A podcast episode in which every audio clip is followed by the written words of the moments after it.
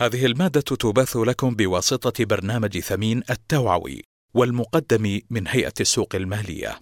يهدف البرنامج إلى رفع مستوى الثقافة المالية والاستثمارية، حيث يقوم بتقديم رسائله التوعوية عن طريق الكتيبات والفيديوهات والمنشورات المنوعة، بالإضافة إلى اللقاءات وورش العمل. ولمعلومات أكثر عن البرنامج يمكنكم زيارة موقع ثمين الإلكتروني ثمين.org.sa والآن نترك مسامعكم مع الكتيب التالي. ثمين. رحلة من الإدخار إلى الاستثمار. نقطة الانطلاق. تعلم كيف تدخر. يسأل الكثيرون عن مفهوم الإدخار وكيف لي أن أتعلم الإدخار دون أن تتأثر ضروريات حياتي؟ وهل الإدخار يجعلني بالتأكيد غنيا. أم فقط سوف يسلب مني الشعور بالسعادة؟ أم أنه سوف يجعلني غنيا وأشعر بالسعادة في آن واحد؟ هذا ما سنتعرض له في هذا الجزء على النحو التالي. مفهوم الادخار. الادخار ببساطة هو الجزء غير المستهلك من الدخل. فلو أن إجمالي دخلك هو عشرة آلاف ريال وأنفقت منه ثمانية آلاف ريال. إذا أنت قمت بادخار ألفي ريال أي ما يوازي 20% من دخلك.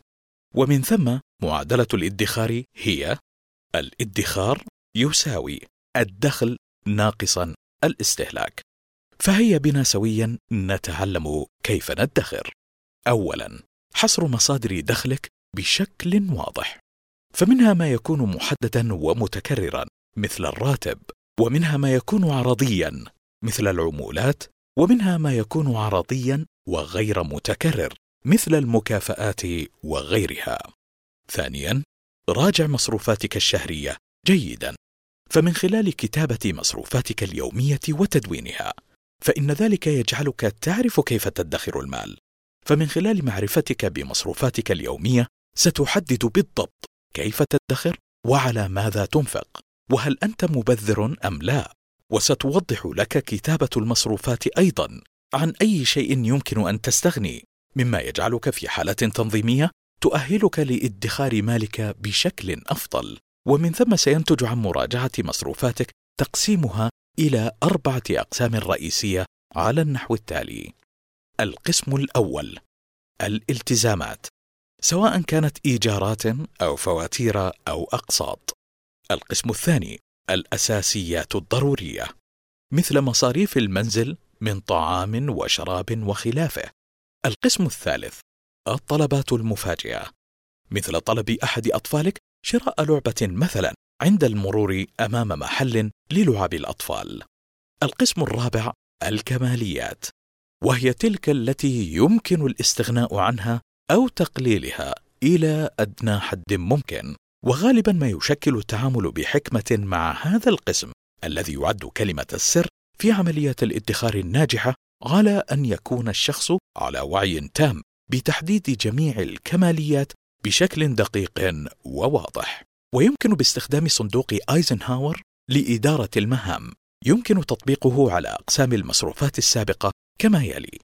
باستخدام مصفوفة المصروفات هذه تصبح أكثر وعيا ومراقبة لمصروفاتك. حتى تتمكن من تغطية جميع احتياجاتك من الالتزامات والضروريات التي لا يمكن العيش دون تغطيتها مع الوصول بمصروفات الكماليات إلى أقل حد ممكن.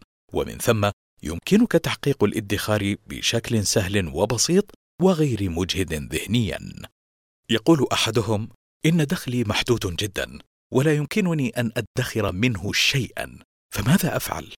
الأمر سهل وبسيط. ليس هناك حد أدنى للإدخار.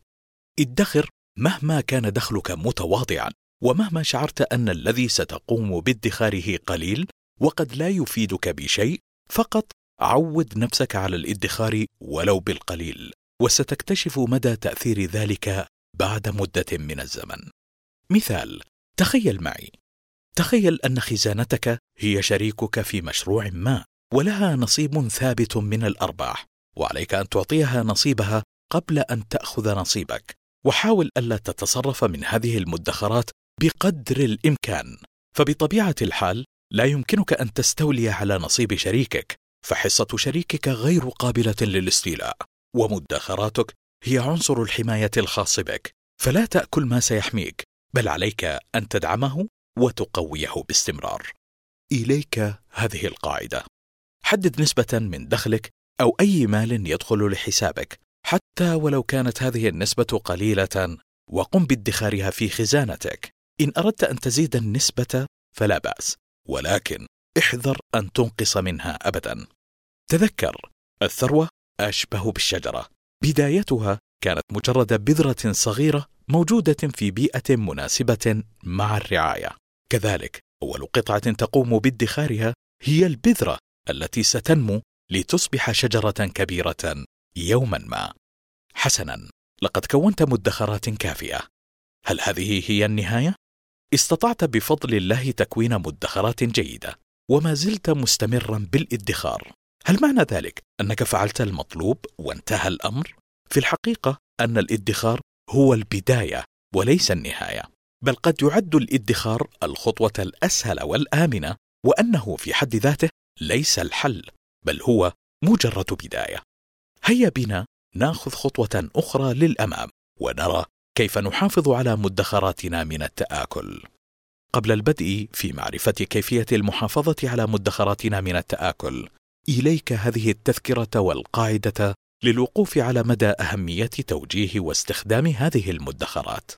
تذكر ما لديك من مدخرات أشبه بأنك قمت بتجميع ألف قطعة حلوى. يمكنك الاستمتاع بها ولكن لمدة قصيرة. ولو بدأت تأكل منها سيأتي يوم وتنفد الحلوى كلها.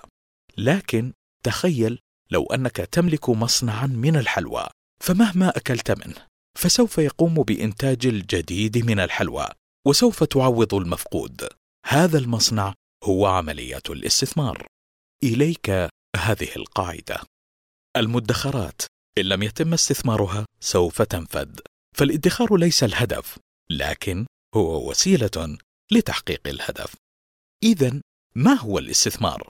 وما هي علاقته بالادخار؟ يعرف الاستثمار على أنه التزام بموارد حالية بغية تحقيق موارد أعلى في المستقبل. ويختلف الاستثمار عن الادخار من منظور اقتصادي حيث يعرف الادخار على أنه جملة المداخيل التي لم تصرف على الاستهلاك سواء تم استثمارها لتحقيق عوائد أكبر أم لا.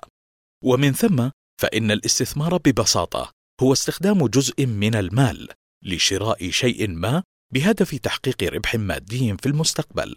أو يمكننا أن نقول أنه عبارة عن الجزء من الدخل الذي لا يستهلك وإنما يتم إعادة استخدامه في العملية الإنتاجية بهدف تحقيق أرباح مادية.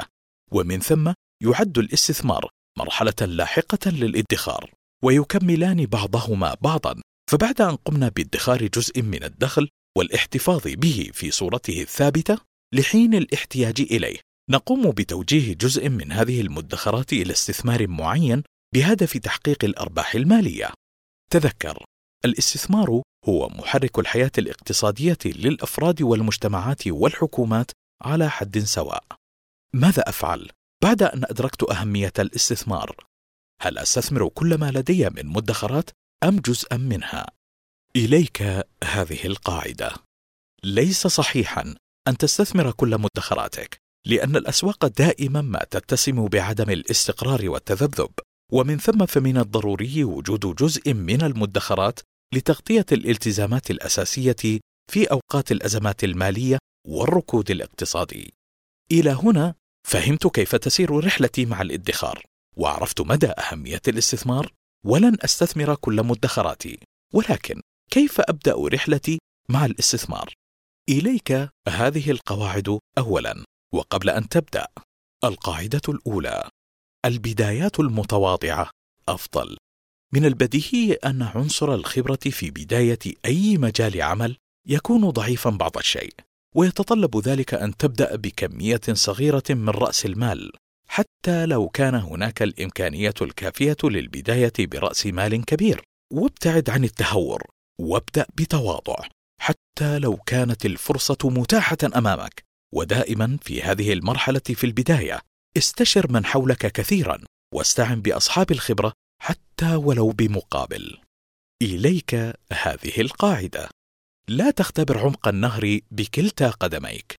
تعينك هذه القاعدة على البداية المتأنية التي تتلخص في اختبار السوق تدريجيا حتى لا تخسر كل شيء مرة واحدة وحتى تتعرف على احتياجات عملائك وبناء علاقة جيدة معهم وتفهم محركات السوق جيدا ثم تستطيع بعدها أخذ خطوة أخرى في تقدم مشروعك أو استثمارك. القاعدة الثانية استثمر في نفسك اولا. فمن خلال استثمارك في نفسك سوف تحسن استغلال الموارد بشكل أفضل بشرط أن تكون أنت شخصا أفضل. وتذكر قيمة الحكمة والمعرفة أكبر من قيمة الذهب والمال. فبالحكمة يمكنك الحصول على الذهب وليس العكس. فالمنافسات الاستثمارية في الآونة الأخيرة كلها تتركز على مدى القدرة على الابتكار واستخدام التكنولوجيا المالية. ولن تحدث هذه القدرة على الابتكار إلا من خلال تنمية الذات بشكل إيجابي والتركيز معها بشكل دوري ومستمر وتعهدها بالتخطيط والمتابعة المستمرة. حاول ألا تدخر مجهودا في الإنفاق على نفسك وتشجيعها على الاهتمام بالمعرفة وحضور الدورات التدريبية وورش العمل اللازمة التي يحتاجها سوق الاستثمار الآن ومستقبلا. تذكر أن كل ما تنفقه على نفسك سوف تجني ثماره لاحقا. أنت متشوق الآن للتعرف أكثر عن الاستثمار بمفهومه الشامل ومجالاته وأنواعه المختلفة.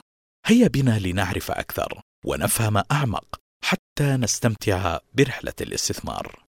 مفاهيم الاستثمار مجالاته وأنواعه. يختلف مفهوم الاستثمار بعض الشيء من الناحية الاقتصادية عنه من الناحية المالية. فالمعنى الأول يستخدم مفهوم الاستثمار من الناحية الاقتصادية للتعبير عن الإنتاج الفعلي لأي أصل راسمالي مثل الآلات والمعدات والمباني ويندرج ضمنها الاستثمار العقاري وغيرها من الأصول الرأسمالية وهو ما يعرف بالاستثمار الحقيقي واحيانا ما يطلق عليه الاستثمار في غير الأوراق المالية. أما المعنى الثاني الاستثمار من الناحية المالية يقصد به شراء الأوراق المالية الأسهم والسندات وغيرهما التي تصدرها الشركات من البورصات أو شراء الأوراق المالية الحكومية مثل أذون الخزانة وسنداتها والصكوك السيادية التي تصدرها الجهات الحكومية بالدولة. كما يقصد به أيضا إيداع الأموال كودائع في المصارف والمؤسسات المالية المختلفة وذلك بغرض الحصول على عائد دوري منتظم أو الحصول على عائد كبير في موعد معين لاحقا وهو ما يعرف بالاستثمار المالي. وهناك ما يعرف بمناخ الاستثمار وهو كل ما يحيط بالمشروع الاستثماري من الأمور القانونية والسياسات الاقتصادية والأوضاع السياسية التي تؤثر على النشاط الاستثماري ودائما ما تقوم الدولة بالعمل على تهيئة المناخ الاستثماري من أجل جذب المستثمرين. تتعدد أنواع الاستثمارات ومجالاته لاعتبارات عدة ومن المهم على كل من يسير في رحلة الاستثمار أن يكون على دراية ومعرفة بها ولعل أشهر أنواع الاستثمار ومجالاته ما يلي. اولا أنواع الاستثمار من حيث النوع. مجالات الاستثمار. الاستثمار الاقتصادي والمقصود به هو أي إنتاج للسلع والخدمات سواء موجهة للاستهلاك أو الاستثمار مثل المشروعات المتعلقة بالأنشطة الزراعية والصناعية وغيرها. الاستثمار الاجتماعي وهو أي استثمار يتعلق برفاهية المجتمع مثل الاستثمار الموجه للأنشطة الرياضية والثقافية والترفيهية.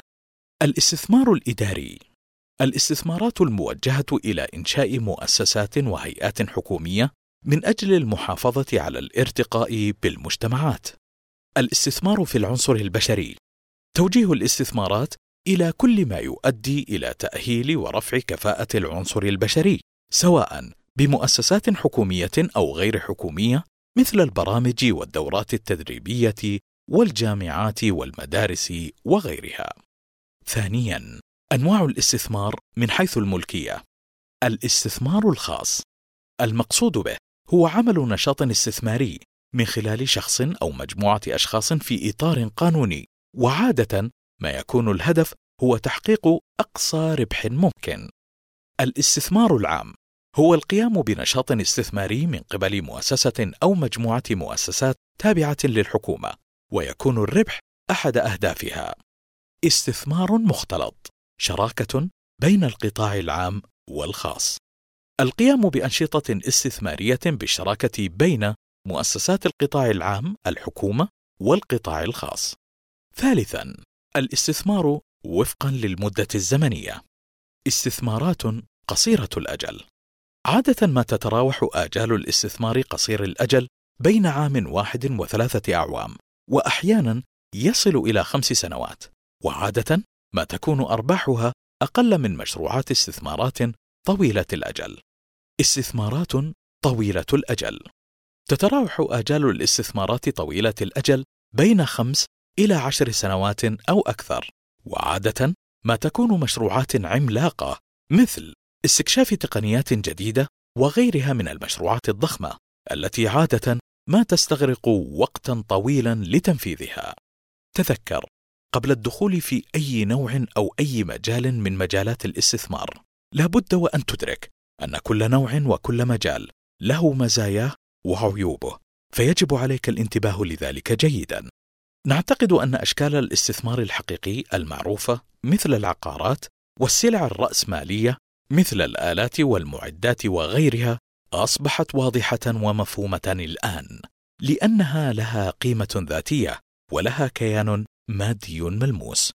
هيا بنا الآن نتعرف أكثر عن الاستثمار في الأسواق المالية. الأسهم السندات أوراق مالية حكومية أذون وسندات الخزانة الصكوك السيادية وعن خصائصها وما هي أدوات الاستثمار بها حيث ليس لها كيان مادي ملموس وغالبا ما يديرها وسطاء ماليين وليس المستثمرين أنفسهم. الاستثمار في الأسواق المالية أولا مفهوم الأسواق المالية. تعبر الأسواق المالية عن تدفقات رؤوس الأموال ويترتب على عملية الاستثمار فيها حيازة المستثمرين لأصول مالية غير ملموسة في شكل شهادات أو وثائق، ويمثل الأصل المالي حقا ماليا لحامله من عوائد الشركة المصدرة للأوراق المالية، وهي سوق يتم فيها تداول بيع وشراء الأوراق المالية، وتشمل الأوراق المالية الأسهم والسندات.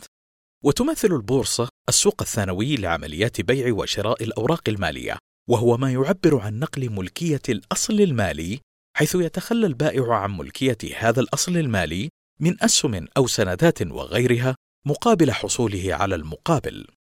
ثانيا، خصائص الاستثمار في الأسواق المالية. بشكل عام، يعمل الاستثمار في الأسواق المالية على توفير الاحتياجات التمويلية للكثير من الشركات، كما يساعد المستثمرين والمدخرين في إيجاد فرص استثمارية بعوائد قد تفوق عوائد الودائع البنكية مع الاختلاف في درجات الأخطار وخصائصها على النحو التالي. وجود أسواق منظمة ومتطورة انخفاض تكلفة الاستثمار بها وجود متخصصين من ذوي الخبرة لتقديم الخدمات للمستثمرين وهم ما يعرفون بالوسطاء الماليين ومن ثم لا يحتاج أن يكون المستثمرون خبراء في المجال حسنا ولكن كيف يتم الاستثمار في تلك الأسواق وما هي طريقة الاستثمار في هذه الأسواق؟ هيا بنا نعرف ما هي أدوات استثمار الأسواق المالية. ثالثاً، أدوات الاستثمار في الأسواق المالية.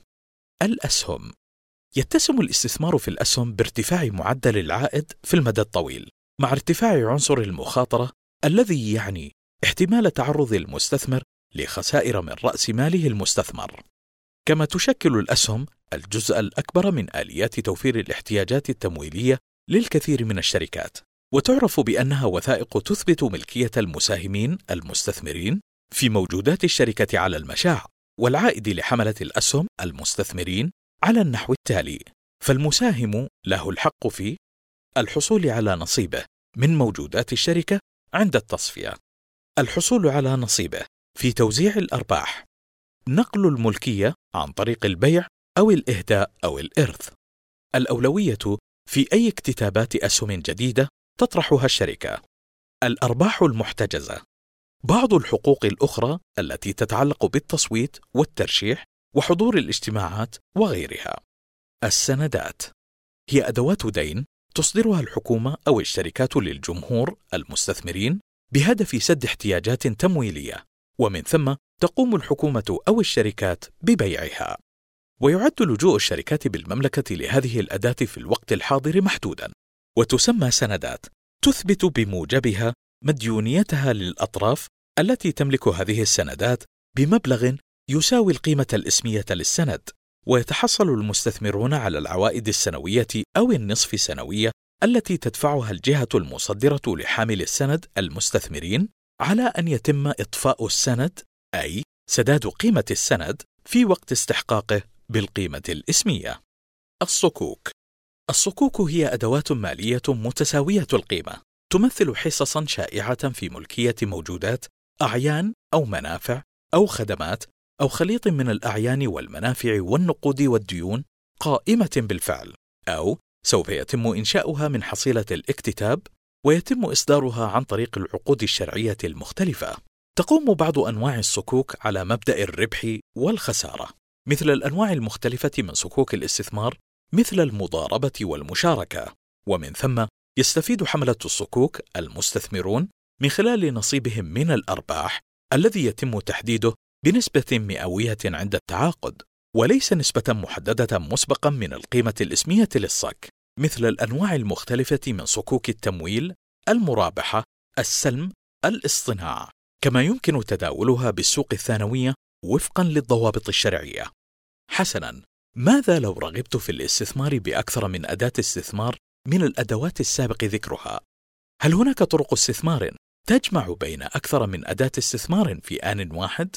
حيث أنني ليس لدي خبرة كافية في الاستثمار. أدوات استثمارية أخرى بالأسواق المالية. الاستثمار غير المباشر في الأسواق المالية. صناديق الاستثمار.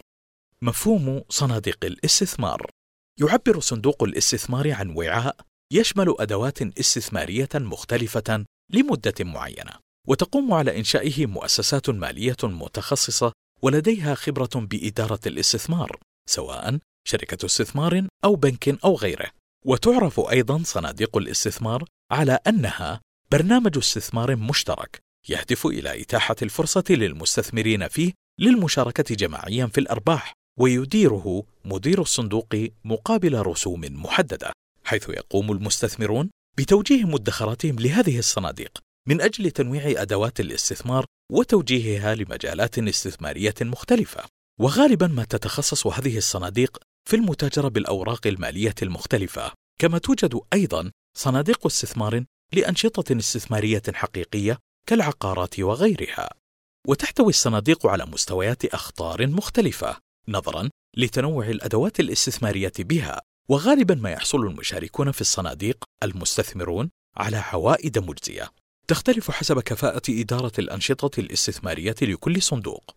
تتميز به هذه الصناديق بإتاحة الفرصة لمن لديهم مدخرات ويريدون استثمارها ولكن ليس لديهم الخبرة الكافية لتشغيل مدخراتهم وإدارتها، فيقومون بالاشتراك في هذه الصناديق مع مجموعة متميزة من الخبراء الذين يقومون بإدارة هذه المدخرات مقابل عمولة متفق عليها. أنواع صناديق الاستثمار تختلف صناديق الاستثمار طبقا لعدة اعتبارات مختلفة على النحو التالي: أولاً، حسب حركة رؤوس الأموال. واحد: الصناديق المغلقة.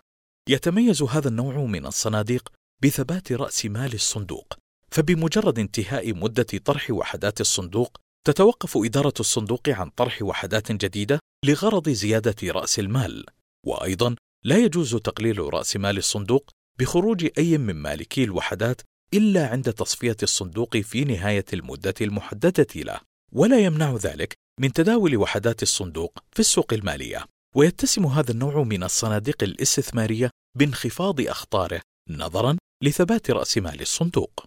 اثنان: الصناديق المفتوحة. تتميز الصناديق المفتوحة بإمكانية زيادة رأس المال من خلال طرح وحدات جديدة للصندوق بعد انتهاء مدة الطرح، كما أنه من الممكن تخفيض رأس مال الصندوق من خلال انسحاب أحد المشاركين به مع الاسترشاد بمؤشر القيمة السوقية لصافي الأصول الموضح في تاريخ الإطفاء.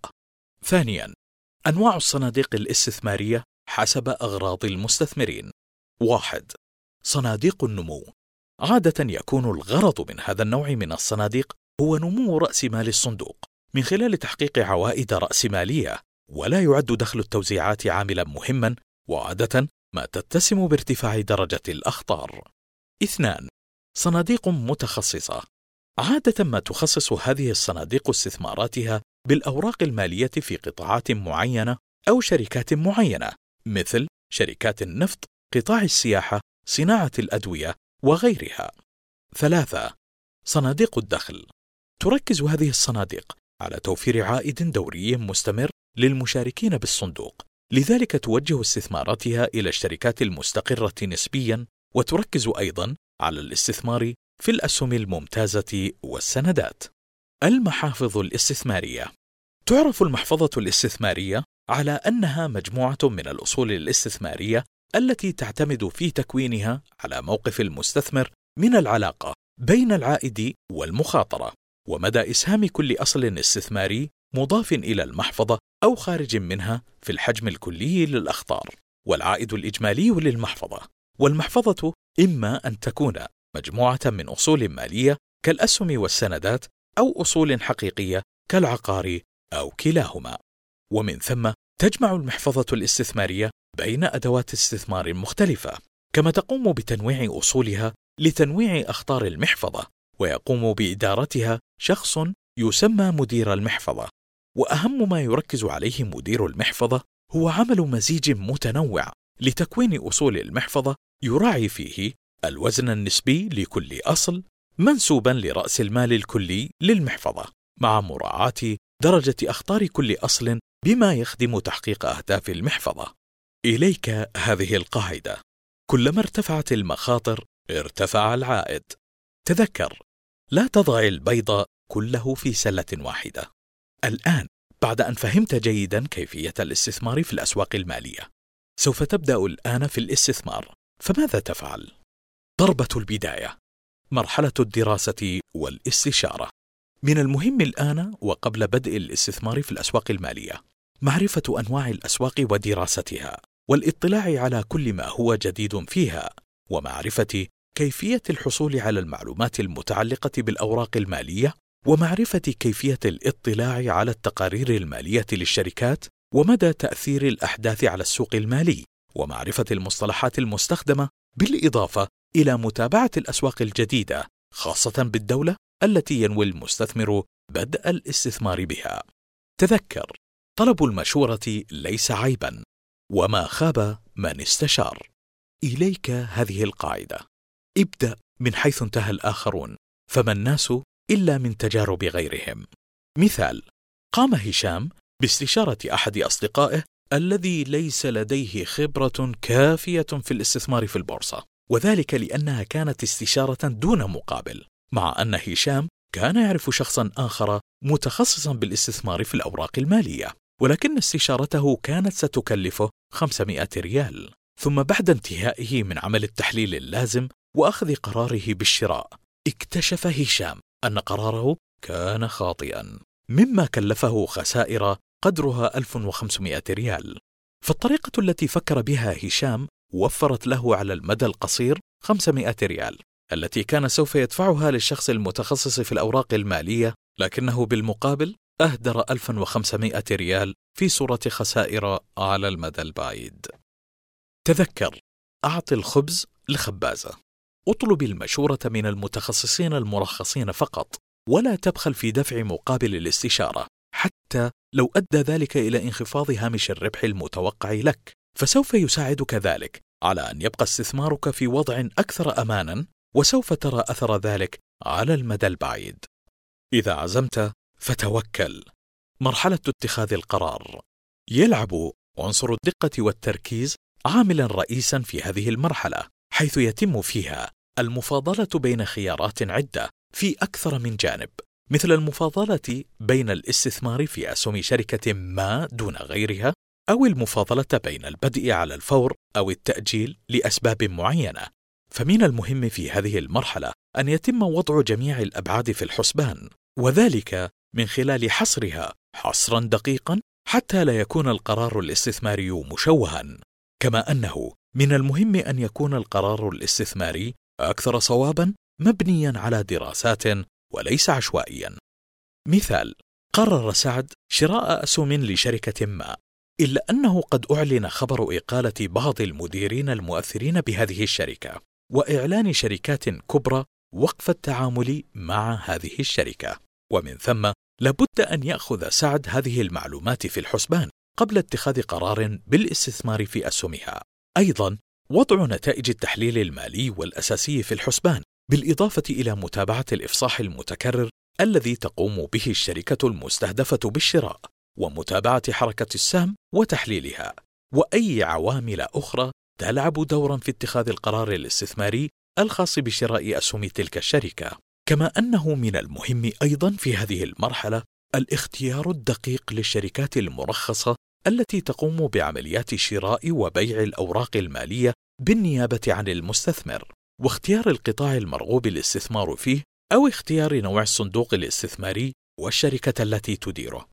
تشكل كل هذه العوامل دورا مهما في عملية اتخاذ القرار الاستثماري التي لا بد أن يكون المستثمر على معرفة بجميع تفاصيلها حتى تسهل عليه عملية اتخاذ القرار ومن ثم تحتاج مرحلة اتخاذ القرار إلى دقة ومراعاة لجميع العوامل التي تؤثر على الاستثمار.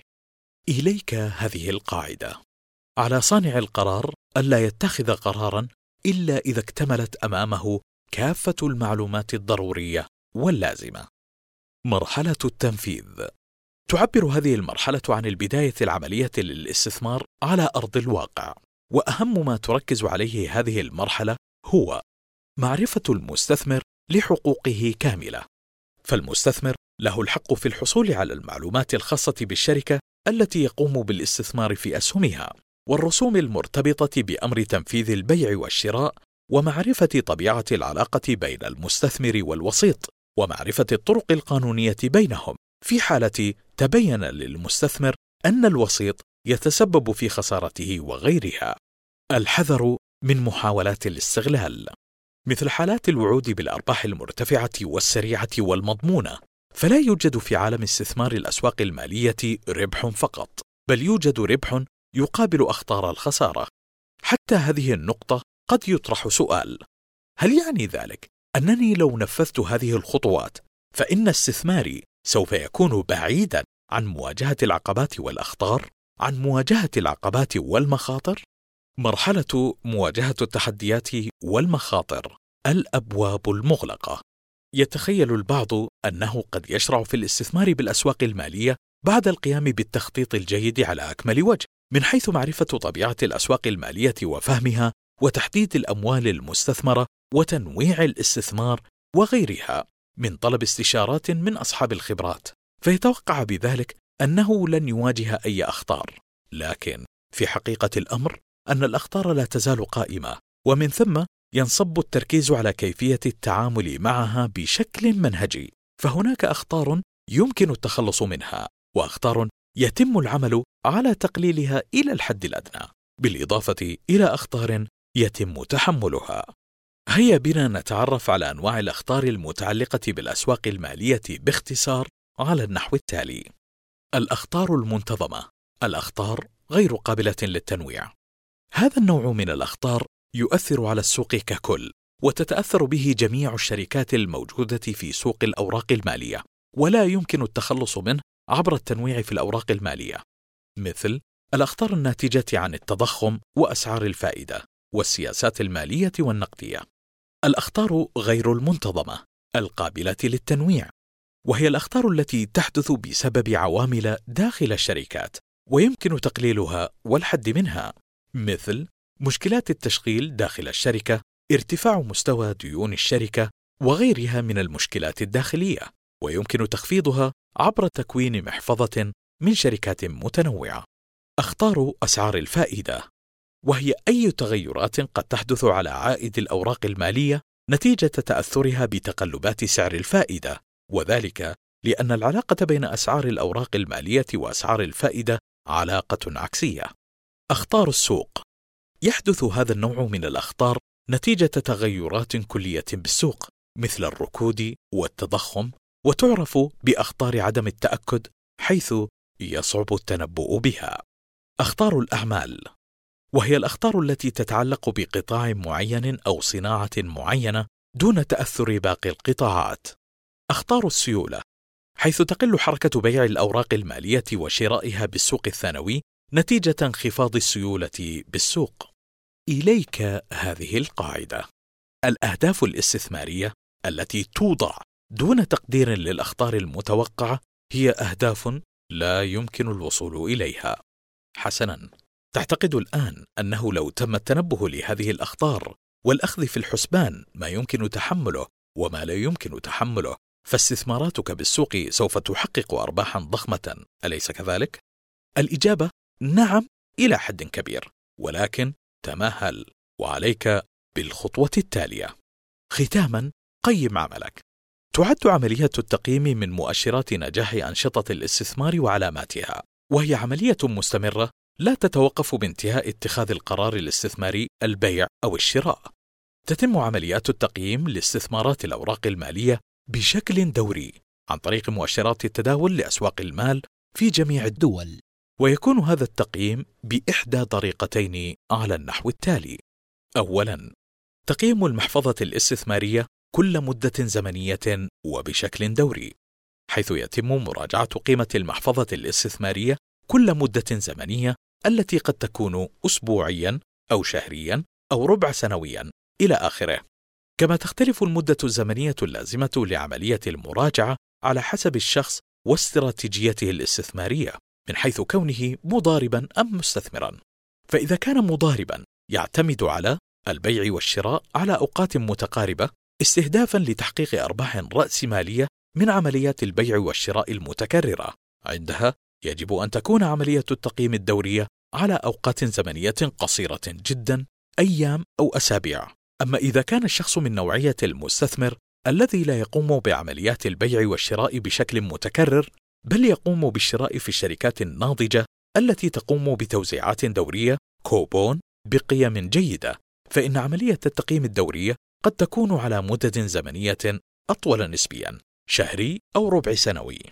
ثانيا تقييم المحفظة الاستثمارية مقارنة بمؤشر التداول بالسوق حيث يقوم المستثمر بتقييم أداء محفظته الاستثمارية من خلال مقارنة العائد عليها بمؤشر أداء تداول السوق. فعلى سبيل المثال بعد مرور ستة أشهر على الاستثمار وجد فيصل أنه قد حقق معدل عائد على الاستثمار قدره 10% في حين حقق مؤشر السوق ارتفاعا بمعدل 50% مثلا. عندها لابد وأن يراجع فيصل مكونات محفظته الاستثمارية لأن اداءها كان أقل بكثير من متوسط أداء السوق ككل. هل انتهت رحلتنا الآن؟ من الادخار إلى الاستثمار؟ لا لم ننتهي بعد. إليك هذه القواعد قبل المغادرة. محطة النهاية وقبل المغادرة. لا تنسى هذه القواعد. هناك بعض النصائح والقواعد المهمة في رحلة الاستثمار. من المهم جدا أن يكون المستثمرون والمستثمرون المحتملون على دراية ووعي بها حتى لا يكرروا اخطاء تم ارتكابها مئات بل آلاف المرات من قبل حيث قام المتخصصون والخبراء الماليين بتجميعها لكي يلفتوا انتباه المستثمرين الجدد وغيرهم بعدم تكرارها. وإليك هذه القواعد. اولا نصائح عامة عن الاستثمار. حدد احتياجاتك وأهدافك بوضوح ونقصد بذلك التفكير في متى تحتاج استرداد أموالك أي حدد أنت. هل تهتم بالعوائد طويلة الأجل أم تريد عوائد سريعة؟ قم بإعداد نفسك وتهيئتها لتحمل المخاطرة لأنها جزء لا يتجزأ من الاستثمار ويحتاج ذلك إلى المعرفة والتنبؤ بحركة السوق ومن ثم تكون على استعداد لتقبل الخسارة إذا اتجهت حركة السوق عكس توقعاتك. وضع الخطة لتحدد ما هو مناسب لك وما هو غير مناسب وكيف تصل إليه. تنويع الاستثمار. لا تضع البيض كله في سلة واحدة وأهم ما في الأمر هو تجنب خسارة كل أموالك وتحديد مستوى الأخطار التي تستطيع أن تتحملها. امتلاك القدر الكافي من الأموال ويكون ذلك في الاستثمارات الكبيرة التي يترتب عليها التزامات مالية كبيرة. فلا بد أن تسأل نفسك عن مقدار رأس المال الذي تملكه حتى لا تفقد توازنك المالي أو يحدث لك إعسار مستقبلا.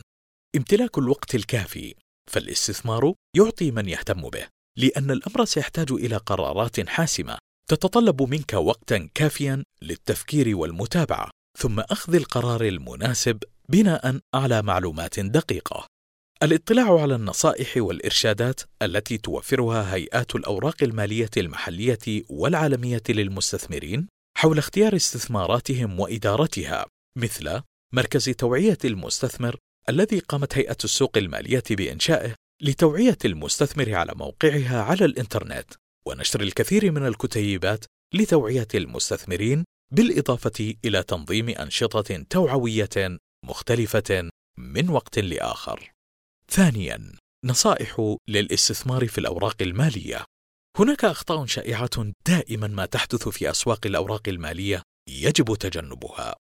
الخطأ الأول احتفاظك بأسهمك الخاسرة حيث قد يتمسك البعض بأسهمهم الخاسرة لأوقات طويلة ويعود ذلك بدوافع وأسباب مختلفة. ولكن السبب الرئيس هو الفشل في التخلص من تلك المراكز الخاسرة مبكرا. والأسباب التي تدفع المضاربين للاحتفاظ بأسهمهم الخاسرة هي أسباب نفسية في المقام الأول وهنا تكمن الخطورة وقد يخدعهم الأمل والطمع وربما حاول هؤلاء المضاربون إقناع أنفسهم بأن السهم سوف يعود للارتفاع مرة أخرى.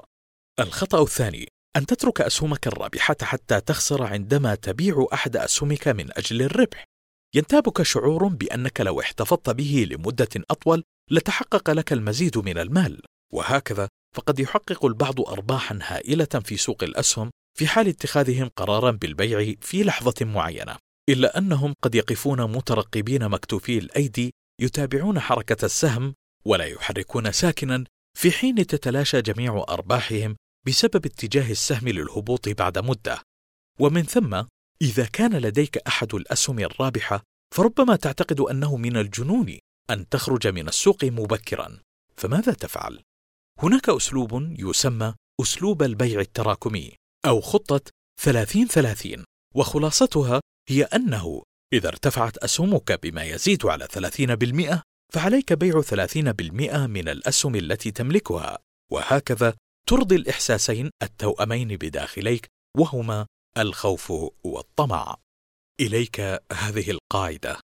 لا يمكن أن تفلس ما دمت تحصل على أرباح. الخطأ الثالث أن تشعر بارتباط نفسي بعوائد أسهمك الثقة الزائدة. إن عدم القدرة على التحكم في المشاعر هو السبب الرئيس لتجنب الكثيرين الاستثمار في سوق الأسهم. فعند استثمار مبالغ كبيرة تجد أن المستثمر غالبا تنتابه مشاعر كثيرة تدفعه إلى اتخاذ القرار الخطأ.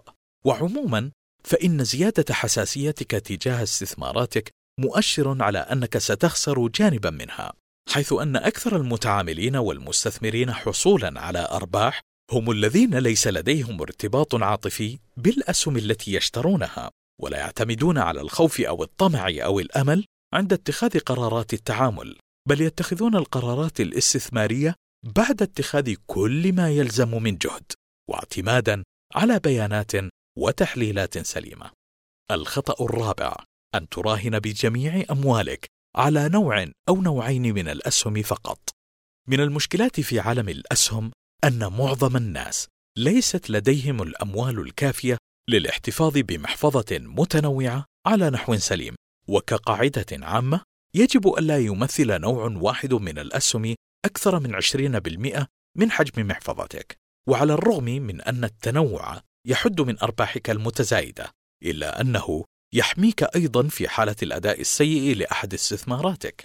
فإذا شعرت أنك مضطر لوضع جميع أموالك في نوع واحد أو نوعين فقط من الأسهم فعليك شراء أسهم في الشركات الناضجة والكبيرة التي لا تحدث تذبذبات عنيفة على أسعار أسهمها، وسيكون العائد على الاستثمار بها معتمدا أكثر على توزيعات الأرباح التي تقوم بها بشكل دوري. الخطأ الخامس اعتقادك أنك لا تستطيع أن تكون منظما ومرنا في الوقت نفسه. يعتقد البعض أن قلة التنظيم والمهارة هما السبب الرئيس في أن معظم المستثمرين في الأسهم يخسرون، وهم على حق. فإذا كنت منظما فستكون لديك استراتيجية أو خطة، وبغض النظر عما تشعر به فسوف تلتزم باستراتيجيتك وخططك، ولكن يجب أن تكون واقعيا بدرجة كافية حتى يمكن تغيير استراتيجيتك وخططك وقواعدك خاصة إذا كنت تخسر أرباحك، لأن لكل قاعدة واستراتيجية استثناءات. الخطأ السادس: ألا تتعلم من أخطائك. من المعروف في أوساط المستثمرين أنك تتعلم من خساراتك أكثر مما تتعلم من مكاسبك، ومن ثم راجع بعناية استراتيجية الاستثمار لديك، وكذلك دراسة بيئة الاستثمار بالكامل وتحليل جميع الأسهم التي في حوزتك فإذا كانت استثماراتك لا تحقق نتائج بالاعتماد على التحليل الأساسي والفني فربما عليك القيام ببعض التعديلات في مكونات محفظة الاستثمار لديك. الخطأ السابع أن تستمع إلى نصائح الأشخاص غير المؤهلين أو غير المرخصين. قبل أن تستمع إلى النصيحة، يجب عليك أولاً أن تتأكد أن من أسداها إليك ليس له أهداف أخرى، فالكثير من المحللين غير المؤهلين قد يسعون لتحويل الشركات الخاسرة إلى شركات رابحة، حيث أن سماعك للنصائح لا يعني أن تغفل تماما عن دراسة السهم والشركة من كافة جوانبها. فمثلا من غير المنطقي أن تقضي وقتا طويلا في دراسة جدوى شراء تلفاز من نوع معين بينما تبادر إلى شراء عدد من الأسهم بأضعاف قيمة ذلك التلفاز دون أن تقضي وقتا كافيا للتأكد من أن قرارك مناسب وقد يكون الدافع لهذه العجلة هو الطمع بالربح السريع أو التأثر بنصيحة لأحد المحللين غير المؤهلين أو توجيهه. الخطأ الثامن أن تتبع اتجاه القطيع. إن من الصعب أن تفكر بطريقة مختلفة عن الآخرين، ولكنك لو درست بعض حياة أعظم المتعاملين والمستثمرين في الماضي، فسوف تكتشف أنهم حصلوا على ثرواتهم في الغالب عن طريق القيام بعكس ما كان الآخرون يفعلونه، وهذا يعني أنهم كانوا يشترون عندما كان الآخرون يبيعون، ويبيعون عندما كان الآخرون يشترون، ولسوء الحظ فإنه لا يوجد من يدق الجرس ليعلن النهاية، وعليه يمكنك البدء بالنظر في الاستراتيجيات التي لا يستخدمها الناس. الخطأ التاسع: ألا تكون مؤهلا لما هو أسوأ. قبل أن تدخل سوق الأسهم، يجب أن تتوكل على الله، وتعلم أن ما أصابك لم يكن ليخطئك، وما أخطأك لم يكن ليصيبك. ولا تقل: لو أني فعلت كذا لكان كذا وكذا، ولكن قل: قدر الله وما شاء فعل، وأن تكون مؤهلا وتتخلى عن الخوف. فرغم أن عليك أن تأمل بما هو أفضل دائما، إلا أنه يجب أن تكون مؤهلا لما هو أسوأ. ومن أكبر الأخطاء التي يقع فيها الكثير من المستثمرين أنهم يعتقدون أن أسهمهم لن تنخفض أسعارها، وهم ليسوا مؤهلين للتعامل خلال مرحلة التدني والانخفاض التي قد تشهدها الأسواق، أو مراحل الركود والانكماش أو انهيار السوق، أو أي حدث آخر غير متوقع قد يدمر السوق. الخطأ العاشر: أن تهمل المال أو تسيء إدارته. إن إدارة المال مهارة صعبة على معظم الناس، لكنها أحد أهم المهارات التي يجب أن تملكها. أما إن كنت لا تستطيع إدارة الأموال، فإنه محكوم عليك بالوقوع في المشكلات المالية، إلا إذا لجأت إلى إحدى الشركات المرخصة لتقوم بإدارته نيابة عنك. ثالثاً: التعليمات والتنبيهات بلائحة سلوكيات السوق الصادرة عن هيئة السوق المالية. يوجد العديد من التعليمات والتنبيهات التي نصت عليها لائحة سلوكيات السوق الصادرة عن مجلس هيئة السوق المالية، نذكر منها على سبيل المثال البنود التالية: يحظر على أي شخص الترويج بشكل مباشر أو غير مباشر لبيان غير صحيح يتعلق بواقعة جوهرية أو لرأي بهدف التأثير على سعر أو قيمة ورقة مالية أو أي هدف آخر ينطوي على تلاعب. وينطبق ذلك الحظر أيضا على الترويج لبيان صرح به الشخص نفسه أو على الترويج لبيان صرح به شخص آخر. يحظر على أي شخص القيام أو المشاركة في تصرفات أو ممارسات تنطوي على تلاعب أو تضليل فيما يتعلق بأمر أو صفقة على ورقة مالية. إذا كان ذلك الشخص يعلم بطبيعة ذلك التصرف أو الممارسة أو إذا توافرت أسس منطقية تتيح له أن يعلم بطبيعة ذلك التصرف أو الممارسة. يحظر على أي شخص القيام بشكل مباشر أو غير مباشر بإدخال أمر أو تنفيذ صفقة على ورقة مالية بهدف تكوين أي مما يلي: انطباع كاذب أو مضلل بوجود نشاط تداول في الورقة المالية أو اهتمام بشرائها أو بيعها. سعر مصطنع لطلب أو عرض أو تداول الورقة المالية أو أي ورقة مالية ذات علاقة.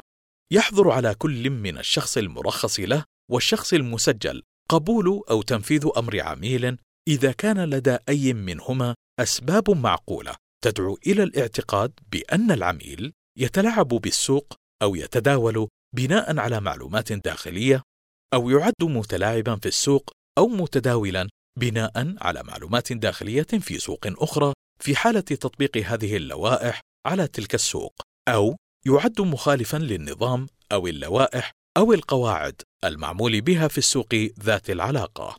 يجب على الشخص المرخص له أو الشخص المسجل تنفيذ أوامر العملاء بشأن ورقة مالية قبل تنفيذ أي أمر يخص ذات الورقة المالية لحسابه الخاص.